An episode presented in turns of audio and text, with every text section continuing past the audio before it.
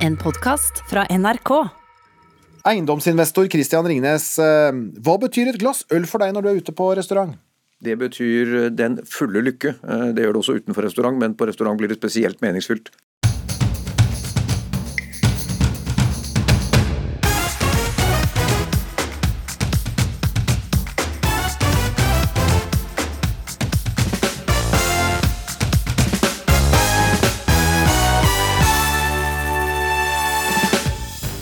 Det nærmer seg OL i Beijing, og utøverne gjør alt de kan for å slippe koronasmitte. Heidi Weng unngår til og med kjæresten.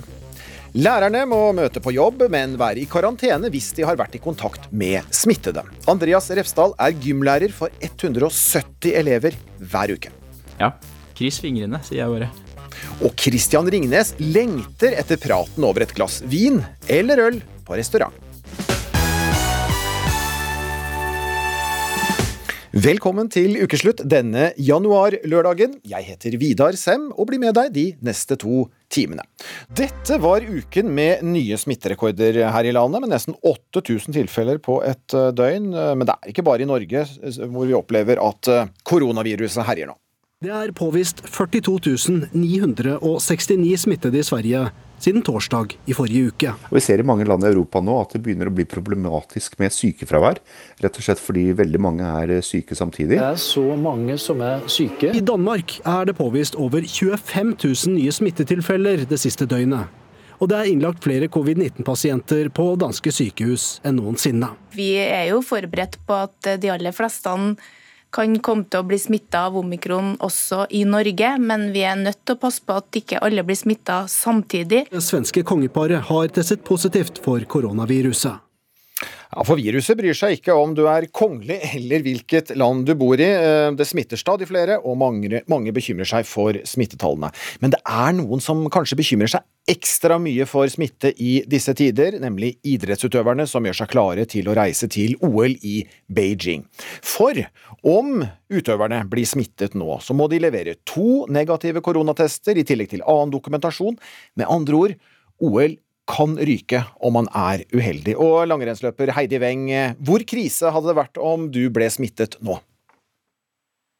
Eh, jo, eh, det, det er jo Nå passer det ekstremt dårlig da, å bli smitta. Så det Ja, det er om å gjøre å holde seg frisk, rett og slett. Og du gjør jo alt du for å, for å unngå å bli smittet nå. Til Aftenposten tidligere i uken så sa du annet at det er uaktuelt å møte kjæresten din. Hvorfor? Ja, det var jo litt, eh, litt eh, overdrivet det, men akkurat nå så er det sånn at jeg må, må unngå, unngå folk, rett og slett. Eh, unngå å være på stort sett å være på butikken og, og sånne type ting for å holde meg frisk. For ja, da går OL-toget akkurat nå, så kan det gå. Og da, da gjør jeg alt for å prøve å holde meg frisk. Men Betyr det at du likevel treffer din kjære litt, eller? Nei, det gjør ikke det. nei. Men så det blir Ja, det blir bra å komme hjem etter OL, for å si det sånn. Men hva, hva, hva sier din kjære til det, da? At uh, dere ikke kan møtes nå? Eh, altså, jeg tror eh, Ja, vi eh, Det er jo litt sånn at eh, eh, hvis han også hadde vært toppidrettsutøver og levd i en boble som jeg har gjort, gjort lenge nå, og ikke hadde møtt mennesker og ikke hadde vært mye, hat, mye nærkontakt sånn som man har på jobb, så hadde det på en måte vært en annen setting. Men eh, ja, hvis, eh, hvis da det blir sånn at eh, eh, når han er på jobben og en får korona der, og kanskje blir smitta, han blir smitta, eller kommer i karantene, så blir det ekstremt eh, Ja, da, da går det utover meg, da. Og da må jeg gjøre tiltak, rett og slett, akkurat nå. Mm. Men det er vel litt savn, kanskje? Hæ? Litt savn? Ja, det blir det jo selvfølgelig. Så det er jo ikke akkurat eh, Jeg skulle gjerne vært, eh, vært hjemme med han, ja. Men eh, akkurat nå når eh, vi er i denne situasjonen det er mye smitte, så må jeg alt for å kunne klare å holde meg frisk når det er snakk om ja, så strenge Så strengt som egentlig ting blir, da, hvis du er Hvis det skjærer seg, da. Og da er det jo Ja, da prøver jeg det. Det er OL hvert fjerde år, så jeg har jo veldig lyst til å få oppleve det, liksom. Mm. Og, og, Heidi Weng, jeg regner med at du har gode minner fra nylig avsluttet Tour de Ski, med altså etappetriumf på tirsdag og tredjeplass i sammendraget. Kanskje ikke like gode minner for deg, Jan Post, kommentator i Sportet her i NRK. Du testet positivt for korona da du var i Oberstdorf for å kommentere Tour de Ski, så du måtte kommentere fra hotellrommet. Og der sitter du enda, slik jeg skjønner. Er det litt kjedelig? Ja, jeg er på mange måter på Tour de Ski fortsatt. Jeg kom ikke i gang til etappe tre og, og, og røyk inn i, i karantene um, når uh, vi fikk et positivt tilfelle. Uh, var nær kontakt, og så testet jeg positivt på dag to der. og Da er det 14 14 dager isolasjon på hotellrommet ifølge tyske regler. Så jeg kan si det at hvis eh, Heidi Weng hadde vært min situasjon, så kunne hun nå bare glemt å, å, vinne noe i OL. For det er 14 dager her med koronasykdom og det det medfører, det er ikke forenlig med å være verdens beste idrettsutøver om noen uker. Så, så jeg er på en måte glad at jeg ikke sikter mot det, da. Ja, Du blir litt nervøs når du hører det her, Heidi Weng. Altså, koronasmitten eh, jo, var jo rundt deg på Tour de Ski, som vi hører fra Jan Post her. Det eneste jeg kan gjøre, er å være ekstremt flink sjøl. Um, og jeg har vel eh, stort sett holdt meg unna um, Kall det normale mennesker, eh, altså ikke idrettsutøvere. Eh, det siste siden sesongstart starta. Så det omtrent. Så det er jo eh, Ja, jeg har jo på en måte levd i en boble eh, ganske lenge og ja, er vel egentlig ja, sånn som Jan sier, da, så har jeg ikke lyst til å komme i den situasjonen der. Og i hvert fall ikke akkurat nå. Nei. Og det er altså knappe en måned til lekene i Beijing starter. Og Jan Post, hvor kritisk er denne tiden for idrettsutøvere nå fremover? Den er jo ekstremt viktig. Det er jo veldig veldig mange utøvere i hele verden som legger ned utrolig mye trening. ikke sant? Det er snakk om over 1000 timer i, i trening i året for enkelte. Og, og, alt det kan bli ruinert nå på de siste fem-seks ukene. Det er nå det er viktig at ting går etter planen, at man får gjort de forberedelsesøktene man skal. At man får dratt i høyden eh, når man skal, fordi mesterskapet er i høyden. Det er så mye som må stemme, og nivået er så høyt på toppen der at hvis du er 1-2% av de beste, så ryker medaljene. Eh, så det er en ekstremt eh, viktig periode nå. Vi får håpe og at ikke det skjer uh, koronasmitte blant utøvere. Og, Heidi Weng, vi får krysse fingrene for deg. altså. Null korona, mange medaljer. Regner du med det? ja, vi krysser på fingrene for at man holder seg frisk, da. Det er jo eh, det, det, og, noen, og, noen, medaljer? Og noen medaljer. Og så er det jo egentlig den største risikoen er jo egentlig å ta fly per dags dato. Så er det egentlig det som er den største risikoen akkurat nå. Mm. Vi får håpe det også går bra på, på din tur altså til, til, Beijing eh, om ikke så lenge. Lykke til, og, og lykke til, eh, til, deg også, da, Jan Post her i NRK Sporten. Uh, hvor enn du skal kommentere fra. Kommer du deg til Beijing, eller? Det gjenstår å se. Da må jeg teste negativt på PCR i tide. Strenge kinesiske regler, så det er et åpent spørsmål. Men kommentere OL, det skal jeg garantere at jeg skal. Takk skal du ha, altså.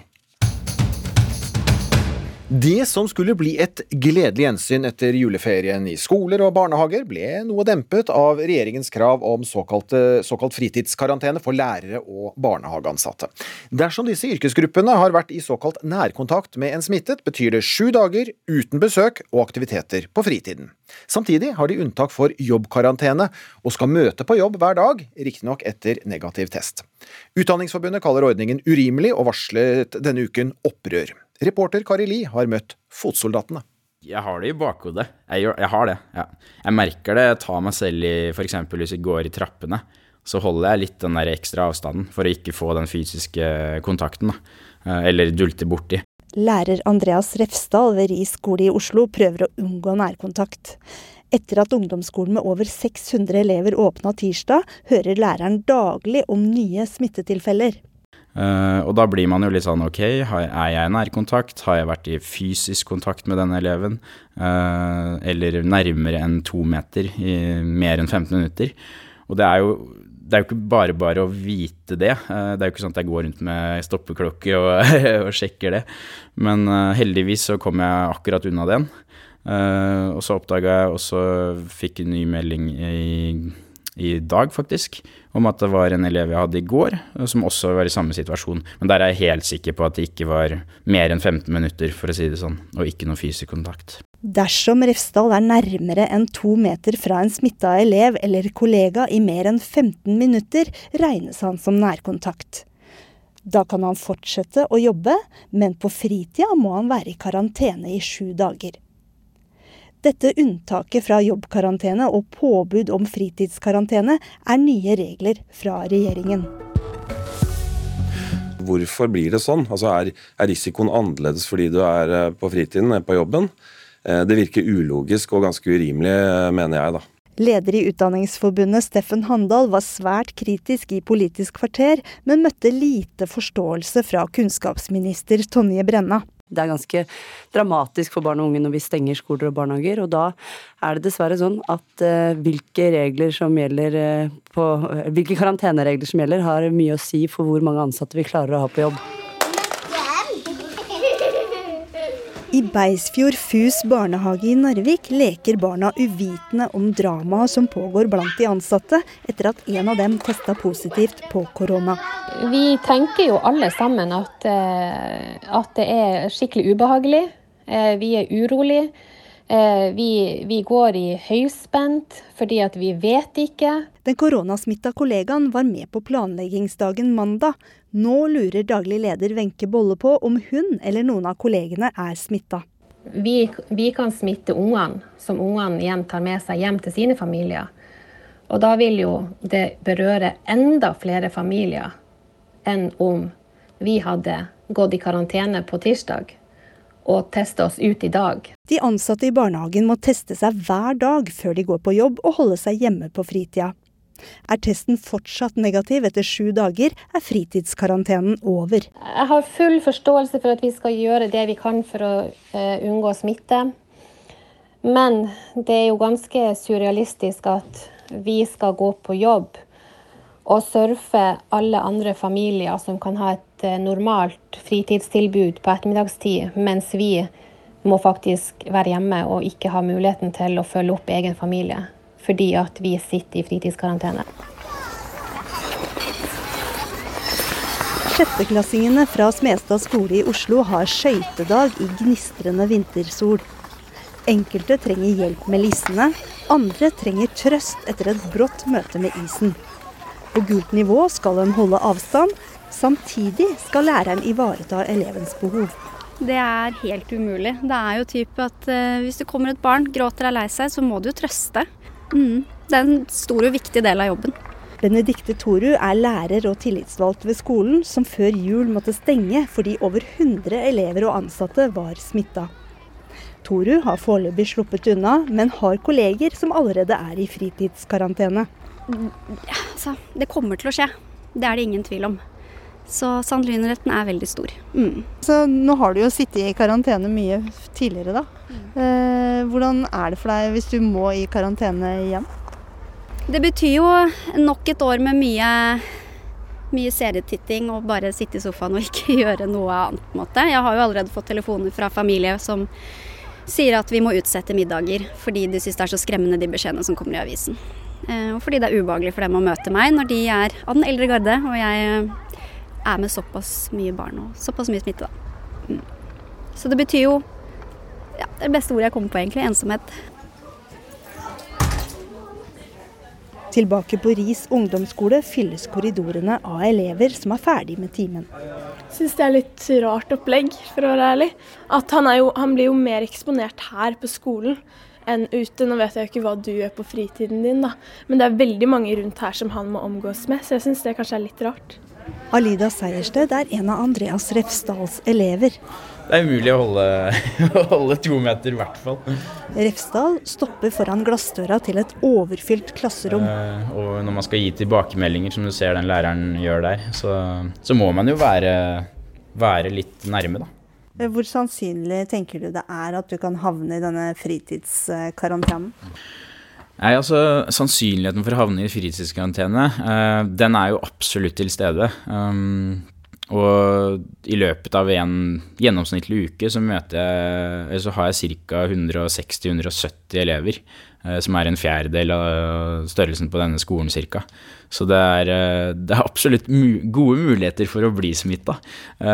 så det Ja, kryss fingrene, sier jeg bare. Samvær er ikke alltid barnets beste. Det skrev tidligere barnevernsbarn Heidi Aasheim på NRK Ytring. Da hun var 14 år bestemte hun selv at kontakten med de biologiske foreldrene skulle ta slutt. Nå frykter hun at eh, barnevernet er i ferd med å bli mer et eh, foreldrevern enn barnevern. Og Heidi Aasheim er med i Ukeslutt. Du ble plassert i fosterhjem da du var ett år, og ble boende i samme fosterhjemmet hele tiden. Hvor ofte hadde du samvær med dine biologiske foreldre da du var liten? Jeg hadde samvær eh, hver sjette uke frem til jeg ble tolv. Eh, da ble det endret til eh, hver åttende uke. Frem til jeg da ble 14 og valgte å ikke ha det lenger. Mm. Etter hvert så begynte du å grue deg til disse samværene. Hvordan merket du det på kroppen? Nei, altså Det startet med at eh, når mamma, altså min fostermamma, da jeg kaller henne mamma, eh, skulle si til meg at eh, nå skal du ha samvær neste uke, så kjente jeg at eh, da begynte jeg å få litt vondt i magen, begynte å tenke mye på det. Og så begynte jeg å grue meg. Eh, og så prøvde mamma litt forskjellige måter å si kanskje dagen før eller eh, rett to timer før. Men jeg hadde alltid samme reaksjoner. Um, og så begynte jeg å lure på om det var noe galt med den fysiske helsa mi, så vi prøvde jo å gå til undersøkelser og diverse leger og litt forskjellig, men uh, de fant ingenting. Mm. Men så nå i ettertid, hvorfor var dette plagsomt for deg? Nei, det var plag, altså, plagsomt. Det var mer at det var en slags uro i hverdagen. Eh, fordi poenget mitt her er at jeg etter hvert eh, skulle ikke tilbakeføres til min biologiske familie. Det var eh, et mål om langtidsplassering i fosterhjemmet. Eh, men når det ble fastsatt, så endra det ikke samværet. Eh, barnevernet endra ikke på samværsordningen, så det fortsatte med samme hyppighet. Og blant annet så husker jeg at når jeg var på, på Når jeg hadde besøk, så så jeg var noen ganger at vennene mine ringte på døra. Og så måtte jeg åpne mens jeg hadde besøk. Og så spurte de hei, vil du være med ut og leke. Eh, og så måtte jeg si at eh, jeg har veldig lyst, men jeg kan ikke. Og så ble det da oppfølgingsspørsmål ja, hvorfor kan du ikke være med. Og så måtte jeg si nei, jeg kan ikke være med for jeg har besøk. Og så skjønte ikke de helt hvorfor jeg måtte være hjemme sammen med voksne. da. At jeg ikke kunne være ute og leke sammen med de andre barna. Så det var jeg følte meg litt eh, Det var litt skam rundt det. Fordi at eh, jeg ble rett og slett flau over å fortelle at nei, jeg må, jeg må se jeg må være med de. Og så hadde jeg egentlig ikke en god forklaring, fordi jeg visste egentlig ikke hvorfor jeg måtte det. Du måtte hele tiden forholde deg til å være et fosterhjemsbarn. Ja. Du, du, sa selv ifra at du ikke ønsket å treffe dine foreldre så ofte. Eh, og dine fosterforeldre meldte inn at de var bekymret for din psykiske helse. Følte mm. du at du ble hørt? Nei, altså jeg prøvde jo å si ifra til mine fosterforeldre. Jeg fortalte til min tilsynsfører, for hun så jeg fire ganger i året. Um, sa at uh, jeg ønsket ikke mer samvær. Uh, men uh, det fosterforeldrene mine fikk til svar fra barnevernet, var at nei da, men det er ikke så farlig. Hun tar ikke skade av det. Så det kan, det kan bare være sånn. Og det var litt vanskelig å høre at selv om jeg uttrykte så sterkt at jeg ikke hadde lyst, så ble jeg på en måte tvunget. Selv om samværene var, var helt greie, men, men det, det, ble en urolighet rundt det som gjorde at jeg konstant var stressa, da. For det var jo ikke bare samværene, det var jo det var jo disse møtene med saksbehandler fire ganger i året og tilsynsfører fire ganger i året. Så du ble jo minnet på altså, hver eneste måned. da. Så går du og teller dager og uker. Når er det neste gang jeg får besøk av den, den personen? Og så vet du ikke helt hvem du skal betro deg til heller. For det, hvem, hvem, hører egentlig på meg her? Barne- og familieminister Kjersti Toppe fra Senterpartiet. Nå har du hørt Heidi Aasheims historie. Hva er din, eh, dine umiddelbare tanker og følelser rundt dette? Mm. Nei, eh, jeg er på en måte veldig glad for at du er ei stemme for eh, barn som opplever dette. Eh, og det er en kjempeviktig debatt. Og du formidler det jo veldig, veldig bra òg, da. Og jeg sånn En kan begynne å reflektere noen enhver for det du tar opp, det er liksom hvordan dette virker på barn. Sant? Ikke det at en ikke skal la foreldre få har kontakt med sine biologiske barn, men hvordan dette faktisk virker på barna, og barn sin rett til å bli hørt, ikke minst. Og Vi skal straks snakke mer med Kjersti Toppe og med Heidi Aasheim, som frykter at barnevernet også er i ferd med å bli et foreldrevern. Og Så legger jeg til at begge de biologiske foreldrene har lest ytringen til Heidi Aasheim, og de er informert om at hun har latt seg intervjue av Ukeslutt. Og Kjersti Toppe, du er barne- og familieminister fra Senterpartiet fortsatt med her. Hvor flinke er vi til å lytte til barna når vi skal tenke på barnas beste? Eh, jeg tror at barnevernet er blitt mye flinkere å, å lytte til barna, men en har ikke vært eh, flink nok. Eh, og jeg vet at det jobber, jobber en med. Eh, og så har jo òg Stortinget gjort eh, endringer i barnevernlov der eh, barns rett til å bli hørt har blitt presisert. og det er det er veldig, veldig eh, viktig, eh, og sånn skal det være. Men eh, en har ikke vært flink nok. Nei, altså Barnets beste skal jo være et grunnleggende hensyn ved alle handlinger som berører mm. og, og, angår barna. Mm. Mm. Ja, nei, så, så, I Heidi Aasheims tilfelle her, da. Eh, hvorfor da ha samvær med sine biologiske foreldre mot sin vilje? Mm. Nei, det, jo, det, skal jo ikke være sånn at en blir sånn fysisk eh, dratt inn i eh, et, eh, et, eh, et, slikt samværsmøte. Eh, men eh, det er jo òg presisert at en skal ta hensyn til barn sine egne meninger, og at barn skal ha medvirkning. Så er det jo at det her en sånn balansegang òg, fordi at det har òg vært andre tilfeller der Eh, barn ikke har fått det samværet med sine biologiske foreldre, ikke har fått muligheten til å bli kjent med dem. Og Det som er, er viktig, er at det, det, skal gjøres en sånn individuell vurdering for hvert barn. For eh, barn er ulike, og barn sin eh, familiehistorie er ulik. Sant? Noen eh, kan ha, ha, godt av å ønske eh, samvær, mens andre eh, ikke ønsker det og kan ta skade av det. Det er jo barnets beste som skal legges til grunn i alle sånne vurderinger. Men likevel, Heidi Aasheim, fortsatt med oss her, så skriver du på NRK Ytring at du frykter at barnevernet, barnevernet er i ferd med å bli et foreldrevern. Hva legger du i det? Det handler om at uh, etter disse EMD-dommene uh, I Den europeiske menneskerettighetsdomstolen. Ja, europeiske menneskerettighetsdomstol.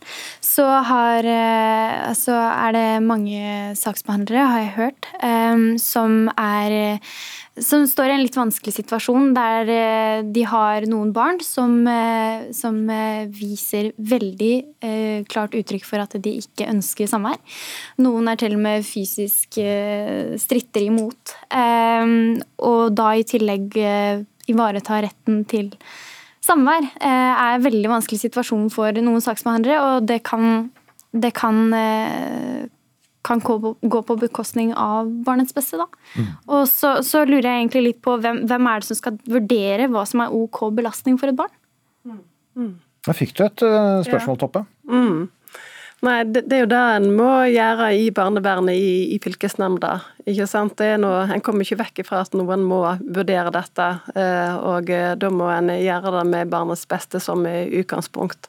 Uh, og jeg, jeg, tenker at uh, det, det, er jo disse EMD-dommerne, da. Det, det, går jo mye på beslutningsgrunnlaget var svakt. Uh, det jeg mener det er feil å si at det, har, at det betyr at vi har et foreldrebarnevern, og ikke et barnevern. Og jeg tenker det som har skjedd i lovverket når det gjelder barnevern, så slår det jo Eh, veldig sterkt fast at eh, det er en barnevernslov som skal beskytte barn. Eh, og barn skal få trygghet og kjærlighet og forståelse. Det er jo selve formålet med lova, vi må ikke, må ikke glemme det. Og når det gjelder samvær, så, så, så, så har en ikke vært gode nok på å gjøre måte, bevisste vurderinger rundt samvær. Eh, og Det kan jo slå begge veier. Sant? Det kan også gått utover barn eh, som ikke har hatt godt av et samvær, og det kan utover eh, voksne som ikke har fått rett til samvær med sitt barn og gått glipp av å bli kjent med sitt barn. Så det kan slå begge veier. Og Jeg, jeg har stor tro på at det nå er blitt mer kunnskap om dette med samvær, der en òg vet mer om hvordan enkelte barn kan oppleve det, og at en må lytte til eh, barn. Og særlig jo eldre barna blir. Ja, for er det, er det nok forskning på det? Fordi jeg har prøvd å søke masse eh, overalt. For jeg, jeg, finner veldig få forskningsartikler som, som omhandler samvær og, og barns psykiske helse rundt det. Mm. Eh, det er veldig ofte snakka på vegne av barn eh, ved saksbehandler at de har intervjua eh, biologiske foreldre eh, mm. og, folk, og, fosterforeldre rundt barnet. Mm. Veldig sjeldent, bortsett fra den ene rapporten til Forandringsfabrikken som kom mm. i fjor. Det, det, handler om oss. Der det er 60% som, som sier at de ikke fikk være med å bestemme mm. Rundt samvær. Mm. Ja, nei, jeg, Det er jo et generelt sett eh, forskningssvakt eh, område, og vi trenger mer forskning. Eh, men det har kommet flere stemmer frem i, i debatten som, som, tyder på at, at, barn ikke har blitt hørt. Og da er jeg veldig tydelig på at det har ikke vært bra nok. Mm. Men jeg, jeg, mener at det er en iallfall en bevissthet rundt dette nå, men sammenhengen mellom samvær og psykisk helse er det sikkert ikke forska nok på. Men vi må eh, ta barn på alvor, og når barn gir uttrykk så er jo eh, for at en vegrer seg for samvær, så er det en indikasjon på at det kanskje ikke er til barnets beste. Mm. Og Da må tjenestene vurdere det. Mm. Og en av dem som har stått frem nå, eh, er deg, Heidi Aasheim, og fortalt om din historie. Mm. Er du glad du gjorde det? Ja. Jeg er veldig, veldig glad. Det, det er verdt det. Takk for at du ble med her i Ukeslutt, og takk også til eh, barne- og familieminister eh, Kjersti Toppe fra, fra, Senterpartiet. Og ytringen til Heidi Aasheim den kan du også lese på, på NRK Ytring. Det er første helg etter ferien. Snøen har lavet ned mange steder med ypperlige forhold for ski, og sammen med all snøen som er pumpet ut av snøkanoner, så ligger vel alt til rette for at folk trekkes til skisentrene. Vi skal til alpinbakken Willerløypa, som er en del av Oslo vinterpark, og der er du reporter Anna Ruth Tørresen. Er det mange i bakken? Ja, det vil jeg absolutt si her på Viller Oslo. Så kan jeg melde om at det er masse folk i kø med både ski og varme klær som skal ta turen i bakken. Men eh, det er ikke mye munnbind eller meterstokker å se i disse lange og tette køene. Eh, men heldigvis, når folk blir stående litt i kø, så er det jo noen som har tid til å prate med meg, da. Og da har jeg funnet dere, Alva Eldevin og Silje Sprangla Roa. Og hva gjorde at dere tok turen i bakken i dag? Um, altså, vi syns det er veldig gøy å kjøre slalåm og syns det er en veldig bra ting å gjøre med venner og sånn, og finne på noe i bakken. Um, og så Vi er veldig glad i å kjøre slalåm og prøver alltid å bli bedre og bedre. Så, ja. Men uh, hadde dere forventa så lange køer som det er i dag? Det er masse folk. På lørdager pleier det å være ganske lange køer, men det var kanskje veldig langt for nå koronasituasjonen her i Norge. Men vi hadde på en måte forventet at det var litt litt kø, men det var ganske lange i dag. Ja, for eh, det er jo ikke så mange å se her med munnbind, selv om man står ganske tett. Tenker dere noe på smittevernregler og sånt her i køen? Um, altså, Det har liksom vært korona ganske lang tid, og jeg føler at hvis man alltid skal tenke på korona, så bli, kan man ikke gjøre så mye aktiviteter og sånn lenger. Så selvfølgelig, man må jo tenke litt, og vi alle har på seg munnbind i restaurantene her og i bussene og sånn. Mens her ute så tror jeg at det er på en måte en tid hvor du liksom selv kan prøve å ikke ha på deg munnbind og bare føle deg litt friere. på en måte. Hva burde man tenke på da, dere som har vært litt her eh, nå? Hva burde man tenke på hvis man skal ta en tur i bakken i helga? Man burde i hvert fall prøve å være ganske forsiktig med hvordan man kjører. fordi siden det er så mye folk nå i helgene og sånn, så er det også mange som kanskje ikke er så flinke til å kjøre sånn. og så kan det lett være at det kommer folk fra bak eller noe som liksom kan kjøre inn i deg eller noe. Men ellers er det vel ha det gøy. Ja, det er fint. Eh, ha det gøy, sier de her. Og i selve bakken så er det nok lett å holde smittevernlig avstand, men verre er det altså i køene. Men eh, det virker her som at folk i hvert fall prøver å tenke litt på smitte også her. Mm. Og gode råd om å være forsiktig i bakken når det tross alt er så mange som det er nå eh, på en fin vinterdag. Takk skal du ha, Anna Ruth Tørresen fra Villeløypa i Oslo. Det er færre og færre uvaksinerte igjen i Norge. Drøyt 7% av den voksne befolkning her i landet er ikke vaksinert i det hele tatt. En av dem er deg, Regine Marise Andreassen. Velkommen. Takk skal du ha. Opplever du en uh, heksejakt mot uh, sånne som deg som er uvaksinert? Ja, eh, absolutt. Det gjør jeg. Og selv om du opplever det, så har du likevel valgt å stå frem og fortelle at du ikke vil vaksinere deg, senest i Dagsnytt 18 denne uken. Og så, ja, og så snart du var um, av skjermen, uh, så tikket det inn mindre hyggelige meldinger fra fremmede. Kan du lese opp noen av dem? Ja, skal vi se. Først meg selv, og så meg selv igjen. Så min neste om det tjener til mitt eget beste. Jeg er fullvaksinert for at slike som deg ikke skal bli smittet, men du tror kanskje at det hjelper med Botox i leppene. Hva tenker du om dette? Eh, det er jo veldig usaklig. Eh, så jeg syns egentlig bare det er fascinerende eh, å se hva fremmede folk klarer å lire ut av seg til noen de overhodet ikke kjenner, av et personlig valg. Du har tidligere stått frem i Dagbladet, og etter det så tok fremmede til og med kontakt med sjefen din. Fortell hvordan det gikk for seg. Eh, sjefen kom innom en dag og sa at hun hadde fått ei melding, eh, og viste meg den. Og da sto det eh, kanskje på tide å revurdere stabben sin. Hva sa sjefen da? Eh, nei, hun var nå egentlig litt sjokkert over at eh, en vilt fremmed person hadde søkt opp nummeret hennes og skrevet den meldinga. Men du har fortsatt jobben? Selvfølgelig. Men kan, du også forstå at folk blir provosert over at uh, dere, som et lite mindretall, uh, går imot det som de andre mener er fornuftig? Ja, jeg kan jo forstå, jeg kan jo forstå det. For at når covid først kom, så tenkte jeg jo å herregud, vi må få vaksine. Og jeg hadde lyst til å ta den da. Men så ombestemte jeg meg. Eh, men allikevel så skjønner jeg ikke hvorfor man skal bli eh, Hva man skal kalle det for. Så hysterisk. Denne uken så skrev Martine Aurdal i Dagbladet at det finnes gode grunner til å vegre seg mot vaksinene, men det finnes flere grunner til å ta dem. Vi må snakke om begge deler. Opplever du at det er rom for å snakke om begge deler? Um, jeg føler kanskje at det har blitt litt mer rom nå eh, de siste månedene. Eh, men når jeg først gikk ut med det, så følte jeg at det var liksom Ja, det var helt uh, på jordet at jeg kunne gå ut og si noe sånt offentlig. Du har altså fått mange stygge tilbakemeldinger. Eh, du har også fått hyggelige tilbakemeldinger fra andre som ikke vil vaksinere seg. Hva forteller de deg?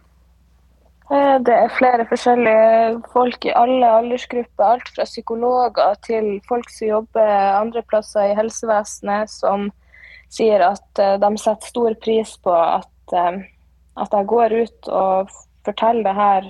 Altså, jeg har fokus på det at vi må ikke glemme å være medmennesker, selv om vi er i den situasjonen vi er i nå. Og vi må respektere eh, alle sidene av saken.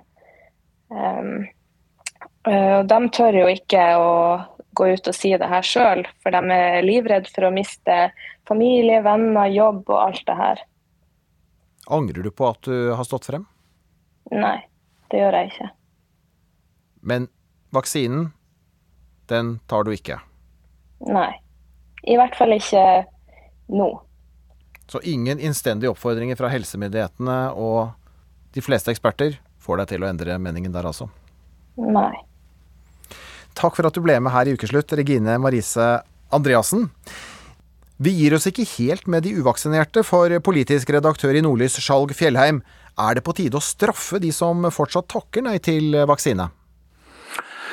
Ja, det mener jeg. I den forstand at eh, de ikke eh, bør ha de samme rettighetene på, eh, og tilgang på offentlige arenaer i samfunnet som de som har valgt å ta vaksinen. Mens myndighetene her i Norge har sagt at vaksinering eh, mot korona er frivillig og foreløpig ikke har truet med verken tvang eller straff, selv om det nå igjen snakkes om koronasertifikat, så er tiltakene rundt om i verden for å få folk til å vaksinere seg en helt annen.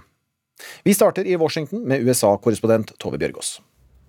Her i USA så er det fortsatt bare drøyt 62% av befolkningen som er fullvaksinert. Og det er kanskje derfor president Biden kjører på nå med forskjellige tvangstiltak. Hvis du er føderalt ansatt eller helsearbeider, så er det vaksineplikt nå. Eh, og fra og med nyttår så er det også blitt slik at bedrifter med mer enn 100 ansatte må sørge for at deres ansatte er vaksinert. Hvis ikke så får de ikke møte fysisk på jobb. Dersom du ikke er vaksinert, så må du ta en test en gang i uka for å få gå på jobb. Og bedriften din kan få bot dersom du ikke har tatt vaksine. Og akkurat dette forbudet her, det ønsker dommerne i Høyesterett her å se på nå, fordi de mener det kanskje strider mot Grunnloven. Men ikke nok med det. Også barn skal til pers. Her i USA er det jo slik at barn over fem år nå får to vaksinedoser. Og her i Washington så må alle barn over fem år være vaksinert eh, fra og med neste skoleår. 1. mars i år så innføres dette påbudet, og så har foreldrene 90 dager til å sørge for at barna er vaksinert dersom de skal gå på offentlig skole. Hei, Kjersti Strømmen her. I Kina er det nulltoleranse for covid. Smitteverntiltakene i landet er strenge, med stadig temperaturmåling og bruk av helseapp, og de som slipper inn i landet må i isolasjon i minst to uker. Derfor er det òg lite smitte, og jeg har sjelden opplevd å måtte vise fram noe vaksinesertifikat. Rundt 80% av befolkningen er vaksinert. Det er frivillig, men i områder der viruset har spredt seg, har myndighetspersoner blitt straffa med å få sparken. Derfor opplever folk i noen områder at barn blir sendt hjem fra skolen med streng oppfordring om å bli vaksinert, og noen voksne har rett og slett opplevd å bli tvangsvaksinert. Hei, europakorrespondent Roger Severin Bruland her fra Berlin. I går så var jeg i svømmehallen, jeg var i klesbutikken, jeg var på restaurant. Og alle gangene så måtte jeg vise vaksinepass og ID.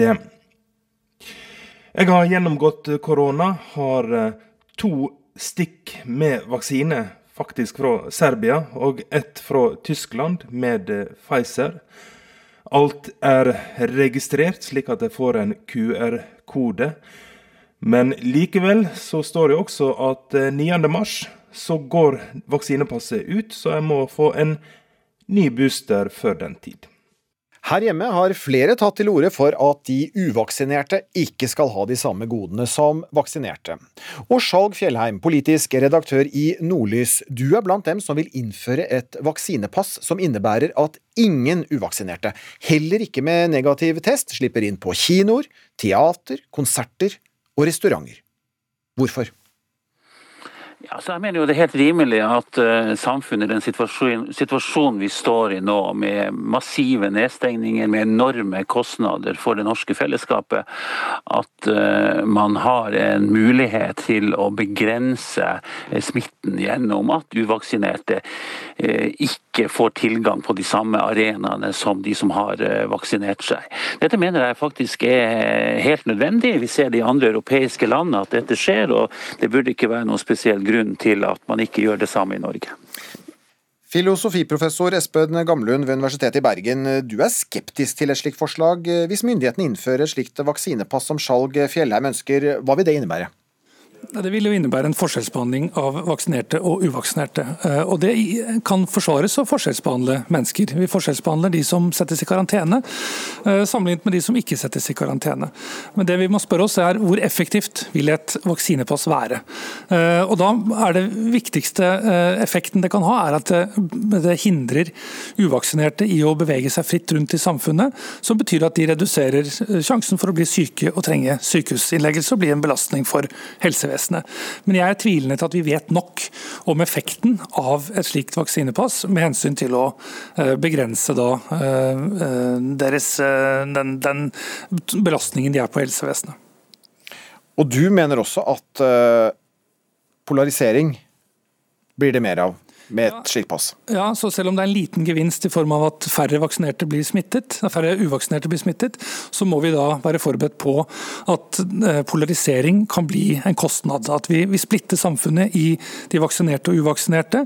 Gir mer frihet til de vaksinerte enn de uvaksinerte, og det eh, tror jeg fører mer skade enn nytte med seg. Ja, Skjalg Fjellheim i Nordlys, eh, et mer splittende samfunn?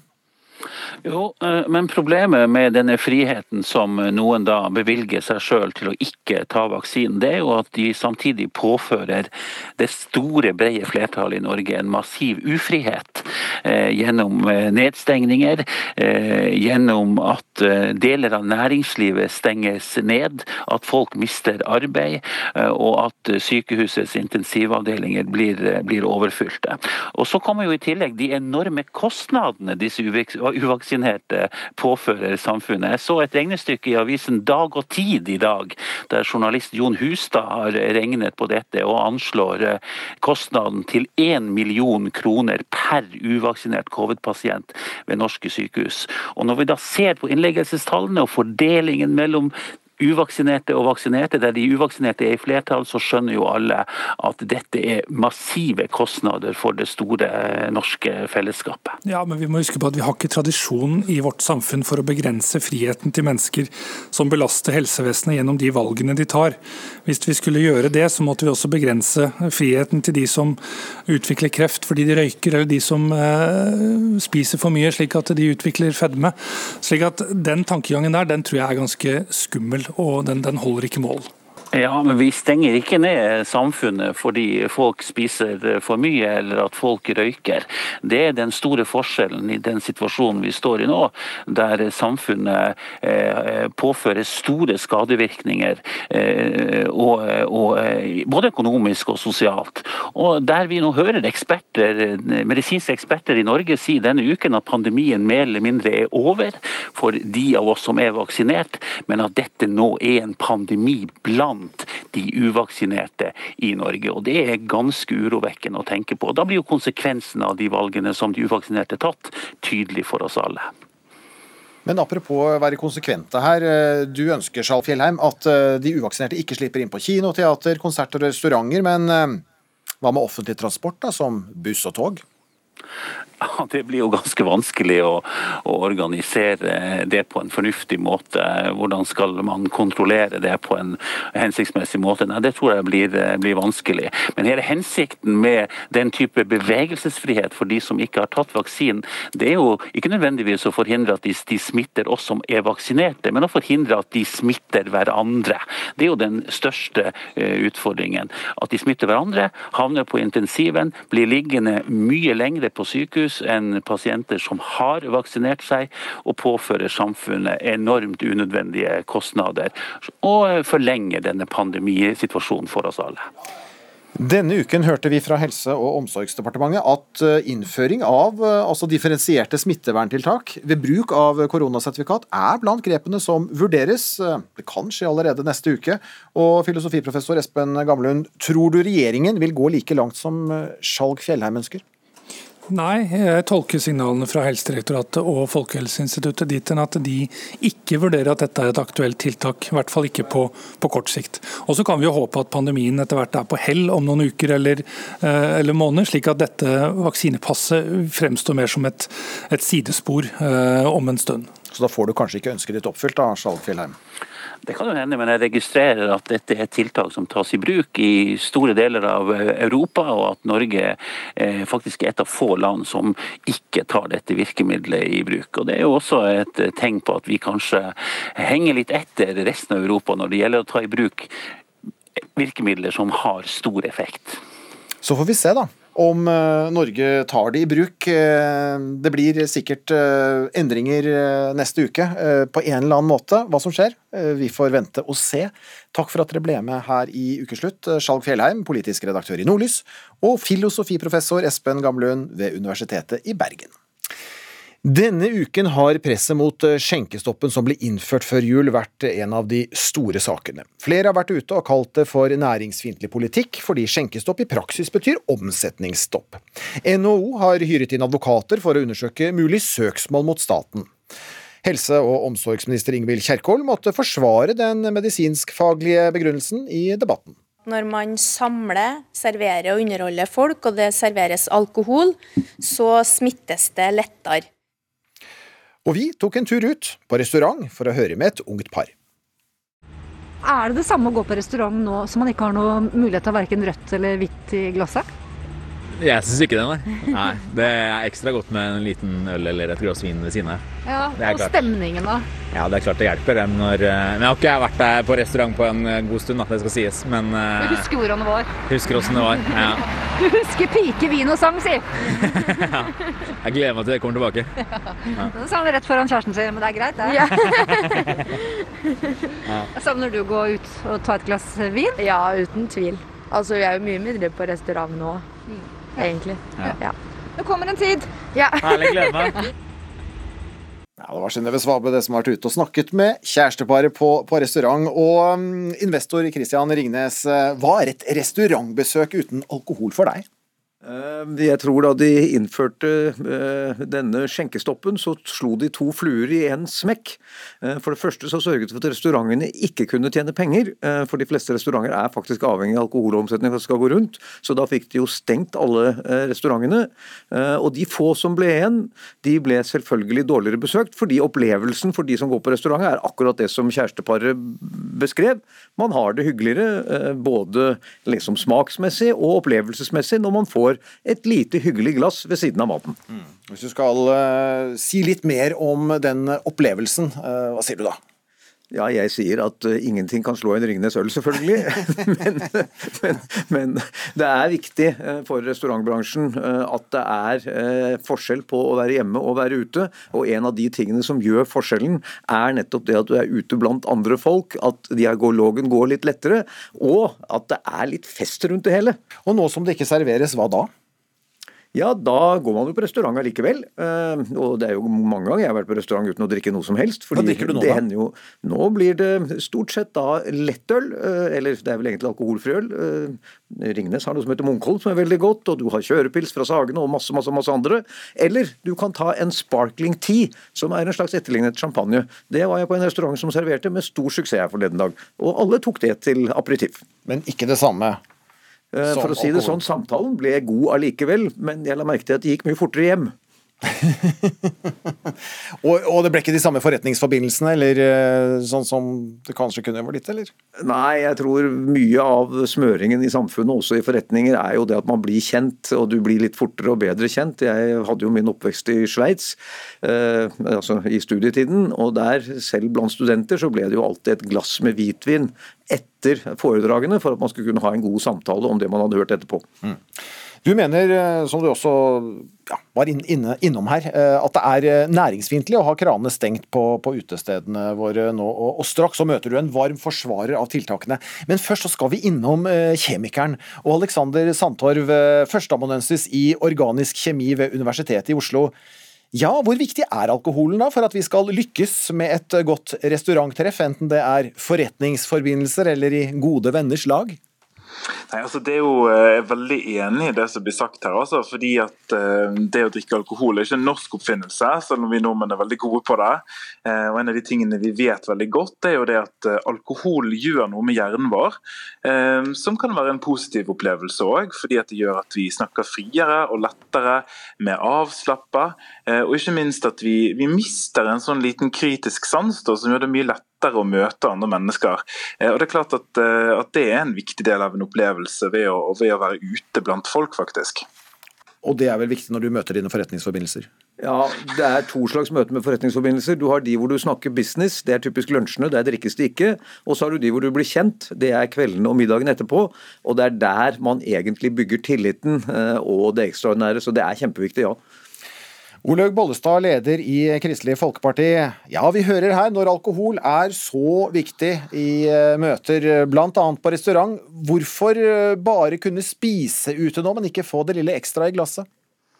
Eh, for å begynne litt i en annen ende, jeg, skal svare på spørsmålet, så, så forstår jeg jo altså, Når Ringnes har vært og studert i, i Sveits, så er det jo faktisk sånn at de har ikke engang kirkekaffe der. De har jo vin. Vin som kirkekaffe. sant? Så, så det, er jo, det, er jo, eh, kjempe for veldig mange utrolig viktig. Og jeg òg syns det er godt å ha et glass vin til god mat. Jeg har bare lyst til å si det. Så det er ikke, det er ikke der det ligger, eh, den diskusjonen som er nå. Men hvis du først er på restaurant og skal spise, hvorfor ikke kunne ta et eh, glass rødvin eller en, ja, en Ringnes øl, da? Ja, Det er jo fordi at eh, en, en sier og mener, og det sa jo han kjemikeren òg, at du mister bitte litt eh, eh, på en måte, Ikke hemninger, vil jeg si, men du mister noen filter. Og Det gjør jo òg at en har sett at, eh, at folk er nærmere hverandre enn den meteren. Kanskje. Jeg sier kanskje. Og så får en en, en ansamling. Det sa jo Ringnes selv innledningsvis. En treffer folk og er flere osv. Så, videre. så det gjør at vi sammen med andre tiltak, så er dette et tiltak som eh, helsevesenet, jeg sier ikke. Politikerne har fått råd fra Folkehelseinstituttet og Helsedirektoratet at de, dette sammen med andre tiltak eh, er med på å redusere tall. Og så ser jo jeg, følger jo med hver eneste natt etter klokka tolv, og ser jo at eh, i, i, dette døgnet, så, eller forrige døgn så var det 7800 og noe, døgnet før der over 8000. Så at vi klarer å holde det litt, tror jeg handler om summen av tiltak. Og så vil jeg gjerne være med Ringnes på et sånt et møte en gang, for det høres jo kjempekjekt ut i. Med alkohol, eller? Ja, gjerne med litt alkohol. Det er greit, det. Men det er jo en grunn til at man har, uh, har, droppet alkoholen, da. Og vi får ta inn kjemikeren her igjen, Alexander Santar. For uh, med mer innabords så blir vel meteren vanskelig å holde? Altså, det er klart at eh, når eh, Jeg forstår begge argumentene her. Jeg forstår både meteren og halvliteren, og jeg syns begge to er viktige. og det er klart at eh, Hvis man blir veldig veldig full, så blir man jo mindre, mindre enkel å ha med å gjøre. Men så er det jo noe med, med personlig ansvar og sektoren som kanskje, kanskje, kan ivareta at meteren overholdes. da. Så det er klart at det er en vanskelig skvis, men, eh, men jeg tenker jo at eh, det er ikke sånn at folk går av sømmene av hvert glass vin. Det er ikke kjent verken i kjemisk litteratur kultur eller i verden.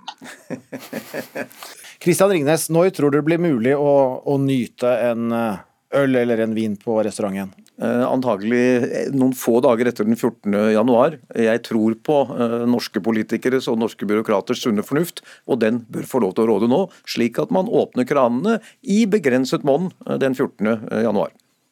Og hva tror du, Bollestad, kort til slutt? Jeg venter på rådet som kommer den 14., og så skal eh, regjeringa ta beslutninger ut ifra det. Og jeg ønsker regjeringa lykke til med det. Og du gleder i hvert fall Ingnes til å ta en øl? Og det skal bli så hyggelig å gå på en av mine mange restauranter og trekke et lettelsens sukk. Ja. Jeg tipper at kjemikeren også er enig i det? Ja, skål, folkens. vi får ta en, en, skål her mens vi venter. Takk for at dere ble med i Ukeslutt, leder i KrF Olaug Bollestad, forretningsmann Christian Ringnes og kjemiker Alexander Sandtorp. Vi er åtte dager inn i det nye året, og dermed er nok mange godt i gang med enn så lenge med sine nyttårsforsetter. Nå skal vi møte noen glade turgåere. De kaller seg Tjukkasgjengen og er et lavterskeltilbud startet av en mossing som ville gå fra tjukkas til kjekkas. Nå teller de over 35 000 medlemmer på Facebook, med hele 400 lokale turgrupper. Gjennom hele pandemien så har folk møtt opp på Sognsvann i Oslo klokken 18 med tursko. Reporter Synnøve Svabø ble med den lokale lederen Vonja Pettersen. Hva sa du nå? Det er dessverre skjenkestopp. Ja. Men da tar i her. Altså, Noen fortalte meg at denne tjukkasgjengen, det er så godt humør her. Det er sjelden godt humør i gruppa. Ja, det er veldig viktig å ha godt humør. Så absolutt. Det er gratis, gøy, sosialt og for alle. Ja, det sosiale er like viktig som å komme seg ut og trimme. Altså, Det er helt fantastisk. Vi er ute nå. Vi er ved Sognsvann. Og her, Hvis du skulle beskrive været nå, hvordan, hvordan vi har det rundt oss her nå? Ja, jeg opplever det som eventyr. Det er jo stjerneklart. Og så hører du det knaser når folk går i Det er litt sånn skareføre. Og det glitrer i snøen her. Vonja, det, er, det, det, blir ikke bedre? Det er helt fantastisk. Det er så enkelt. Det er bare å møte opp, komme og gå tur. Og man får faktisk energi. Og man angrer aldri på en tur. Ja, hvor, mange, hvor lenge har du holdt på å gå turer her, tror du? Nei, Det går vel på andre året nå. Andre året du går i Tjukkasgjengen? Ja da. Det gjør ikke noe at det står Tjukkasgjengen på brystet her. dere. du er jo tynn som en strek, må jeg si. Nei, jeg er slank. Nei da, det, altså, altså, du, det er det mange som har spekulert i. Du kan ikke være med i Tjukkasgjengen, du som er så tynn. Vet du, Dette er en forening som er åpen for alle, så det spiller ingen, her ikke noe skille om man er slank eller tjukk eller hva det er.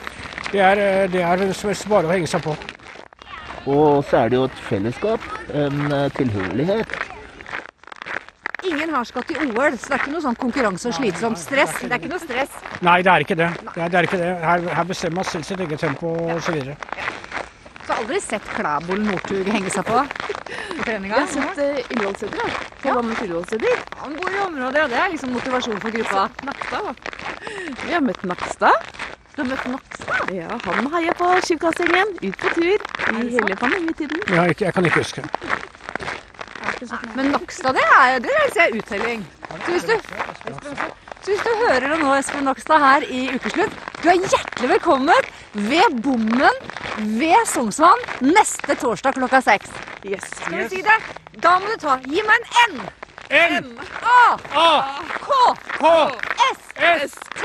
T. A. A. D. D. Hva blir det? Nakstad! Hørte ikke! Nakstad! Hvem skal møte opp ved bommen på torsdag ved Sognsvann neste uke? Nakstad! Og velkommen skal du være. Du, må bare, du må bare få det med deg. Vi er, her tar imot politikere, alle som er. Ja, ja, absolutt. Her er, her er ikke noe Og da bør de kanskje kunne åpne lommeboka, for det er jo frivillighetens år i år. 2022. kan være hvis, eh, hvis alle dem som kommer til eh, neste torsdag, Ja. kle godt på dere, for det er småkaldt og fest ute nå. Ja, det er det faktisk. Ja, så du bør ta ull innerst og vinterlig på. Det er regelen. Yes. Hørte du det, Støre? Ull innerst og topple på toppen. Ja, og vindtett utapå. Ja da, Yngvild Skjerkol, du kan også bli med. Men eh, som jeg har sagt, har du ull innerst og vindtett utapå, og topplue og votter, så klarer du ikke akkurat det, for det er kaldt ute.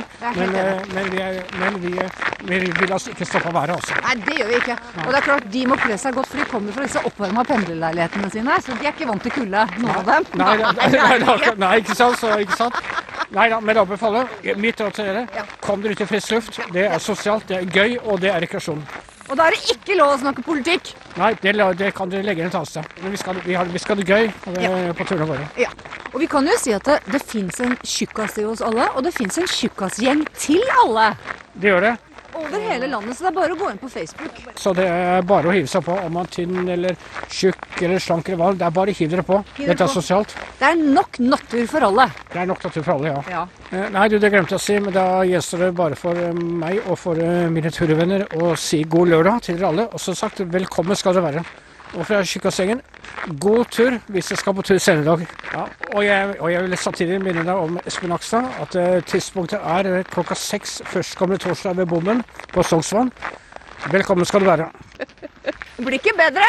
Nei, man får, bedre, bedre enn det kan det ikke bli, tror jeg. Ansvarlig for sendingen eh, Daniel Eriksen og Kari Li. Teknisk ansvarlig Eli Kyrkjebø. Jeg heter Vidar Sem. Ha en fortsatt riktig god helg. Du har hørt en podkast fra NRK.